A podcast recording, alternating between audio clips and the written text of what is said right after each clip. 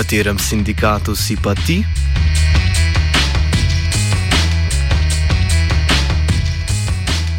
Ustavno sodišče je nedavno tega sklenilo, da ustavnosti 224. člena zakona o delovnih razmerjih, za katerega je pobudo o oceni ustavnosti julija 2013 podalo več sindikatov in univerza v Mariboru, ne bo presojalo. Dotični člen je prišel v veljavo marca istega leta, ko je Ministrstvo za notranje zadeve in javno upravo vodil Gregor Virant. Njegova uveljavitev pa je zakonsko omogočila, da določene ugodnosti na ravni posamezne dejavnosti po kolektivni pogodbi veljajo zgolj za člane sindikatov podpisnikov in ne za vse delavce. Spornost 224. člena pojasni Gvido Novak, predsednik sindikata vojakov Slovenije in Konfederacije slovenskih sindikatov, ki sta pri pobudi za oceno ustavnosti sodelovala. V, v tem členu gre za to, da ta člen uh, daje pravno podlago, da se v kolektivnih pogodbah nekaj za člane sindikata, ki kolektivno pogodbo podpiše, določi ugodnejše kot za ostale delavce. Uh, članstvo v sindikatu je uh, posebna, posebna okoliščina, ki ne sme vplivati na delovno razmerje in pravice iz delovnega razmerja. In tako, kot sem zdaj povedal, je že odločilo Vrhovno sodišče. Z tem 224. členom je pa dano sindikatom, ki podpišajo kolektivno pogodbo, da njihovi člani lahko dobijo nekaj več od drugih zaposlenih in tudi članov drugih sindikatov, ki kolektivne pogodbe ne podpišajo, ker je to njihova pravica. Sklepanje kolektivnih pogodb je temelji na svobodni volji prisiljevanje v sklepanje za to, da bodo eh, člani sindikata nekaj dobili, da bodo izenačeni z tistimi, ki so že podpisali, eh, to je pa nedopustno. Vlogo za oceno ustavnosti na sodišču so predložili Sindikat policistov Slovenije, Sindikat vojakov Slovenije, Konfederacija slovenskih sindikatov, Neodvisni sindikati Slovenije ter Univerza v Mariboru na osnovi neenake obravnave pred zakonom. Za slednjo je ustavno sodišče sklenilo, da obstaja zgolj ekonomski interes in ne pravni. Prav tako pa je ugotovilo, da pri nobenem od sindikalnih pobudnikov ni pravnega interesa, saj naj ne bi bile ogrožene pravice delavcev. Ustavno sodišče je pri zahtevi konfederacije odločilo prvič, da ni izkazano, uh, ni izkazano ogroženost delavcev, pri sindikatu vojakov Slovenije pa so tako odločili že 15krat in zadnji mesec do dva, zaradi vseh zahtev, ki so bile zavrnjene iz razloga neogroženosti pravic delavcev oziroma zmanjšanih pravic delavcev, pri tem pa nobene odločitve o ustavnosti, mi že, kot sem rekel, mesec do dva uh, iščemo vse možnosti izven Republike Slovenije, na kak način doseči, da uh, bomo imeli zagotovljeno ustrezno sodno varstvo za zakone, ki niso skladni z ustavo in po večini tudi v neskladju z mednarodnimi konvencijami in pravnim redom Evropske unije. Ustavno sodišče se v obravnavanem primeru niti ni lotilo ocene, ampak je zavrnilo sam proces presoje. O spornosti odločitve sodišča in težavi 224. člena zakona o delovnih razmerjih nadaljuje Novak glede tega, kako ustavno sodišče odloča, je to, da se je postavilo v vlogo branilca delavcev na mesto v vlogo branilca ustave, kar je njegova osnovna funkcija.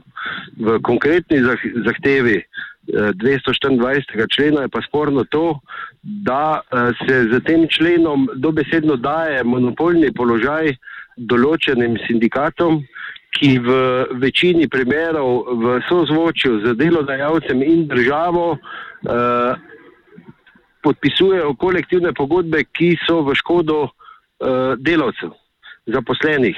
In tisti sindikati, ki takih pogodb nočejo podpisati, so kaznovani z tem, da uh, tako imenovani pravi sindikati, ki podpišajo kolektivno pogodbo, dobijo nagrado zato, ker so v pravem sindikatu. To je pa diskriminatorno do vseh ostalih zaposlenih, ki niso v pravem sindikatu ali sploh niso v sindikatu. In na to temo je septembra lansko leto na zahtevo SDS-a že bila izredna skupna seja dveh odborov uh, in edina obrazložitev, zakaj uh, priporočeni sklepi SDS-a niso bili sprejeti, je bila strani glavne pozicijske stranke SMC, da je potrebno počakati na odločitev ustavnega sodišča. Kot pa danes vidimo, pa ustavno sodišče sploh ni odločilo o tem, ali je to ustavno ali ni, ampak so rekli, da pravice delavcev niso ogrožene in so zavrgli. Kako sindikalni ekskluzivizem poteka znotraj gospodarskega sektorja, na primeru tekstilne industrije, opozarja sogovornik. Zelo preprosto, kolektivna pogodba za tekstilno industrijo, podpisnik en od sindikatov Zveze svobodnih sindikatov določa, eh, da eh, delavci, ki so člani sindikata podpisnika, imajo pravico do jubilejne nagrade, vsi ostali delavci pa ne. In uh, ko so drugi sindikati dali uh, vlogo za soglasje sindikatov podpisnikov, da bi pristopili k kolektivni pogodbi, je ta zavrnil njihov pristop. Eh, to, kako je potrebno pristopiti in prositi drug sindikat, smo pa tudi že zahtevali na ustavnem sodišču, da se presodi, če je skladno z ustavo in je bila zahteva enako zavržena, češ, da pravice delavcev niso ogrožene. Kako pa se je omenjeni zakonski člen uveljavil v javnem sektorju? Podobna situacija je v uh, javnem sektorju, kjer kolektivna pogodba za javni sektor določa 20 odstotkov više jubilejne nagrade za podpisnike kolektivne pogodbe uh, in 30 odstotkov višja meja je določena za uh, solidarnostno pomoč in 20 odstotkov višja solidarnostna pomoč za člane sindikatov, ki podpišajo uh, tako pogodbo. V drugih členih so pa, so pa določila, ki so v škodo vseh zaposlenih. In sindikati na ta način dobesedno dobivajo monopolni položaj. To pa pomeni v Sloveniji pri približno 23-24 odstotkov uh, sindikalno organiziranih delavcev, da je polovica od teh v pravih sindikatih, tisti, ki podpisujejo take pogodbe, to je 12 odstotkov, 88 odstotkov. Je pa zaradi takih škodljivih pogodb prikrajšano za višjo jubilejno nagrado, ali je sploh ne dobijo, za solidarnostno pomoč, ali je sploh ne dobijo. In to je po mojem tudi osebnem prepričanju neustavno, in tudi vrhovno sodišče je o tem že odločilo, da članu sindikata dati en dan več dopusta, je v neskladju z ustavo. Ustavno sodišče pa o tem noče odločati.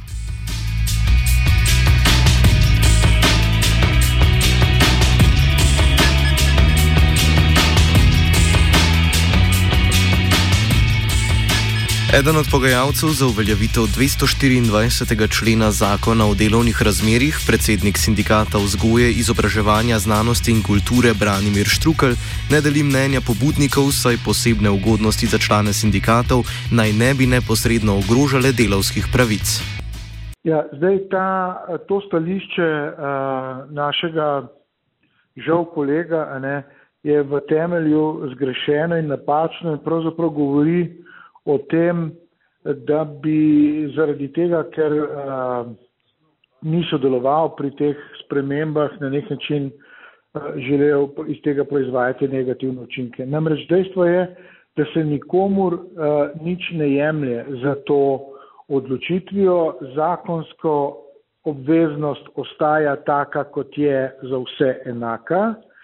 Eh, medtem ko je za člane sindikata, se pa preko kolektivne pogodbe za javni sektor, uh, smo se pa dogovorili za še ugodnejšo rešitev, kot je ta zakonska. To ni nobena redkost uh, tudi v drugih državah in ne vidim razloga, da bi, da bi na ustavnem sodišču iz tega lahko izpeljali neenakost, kajti nobenemu ni bilo po zakonu nič vzeto.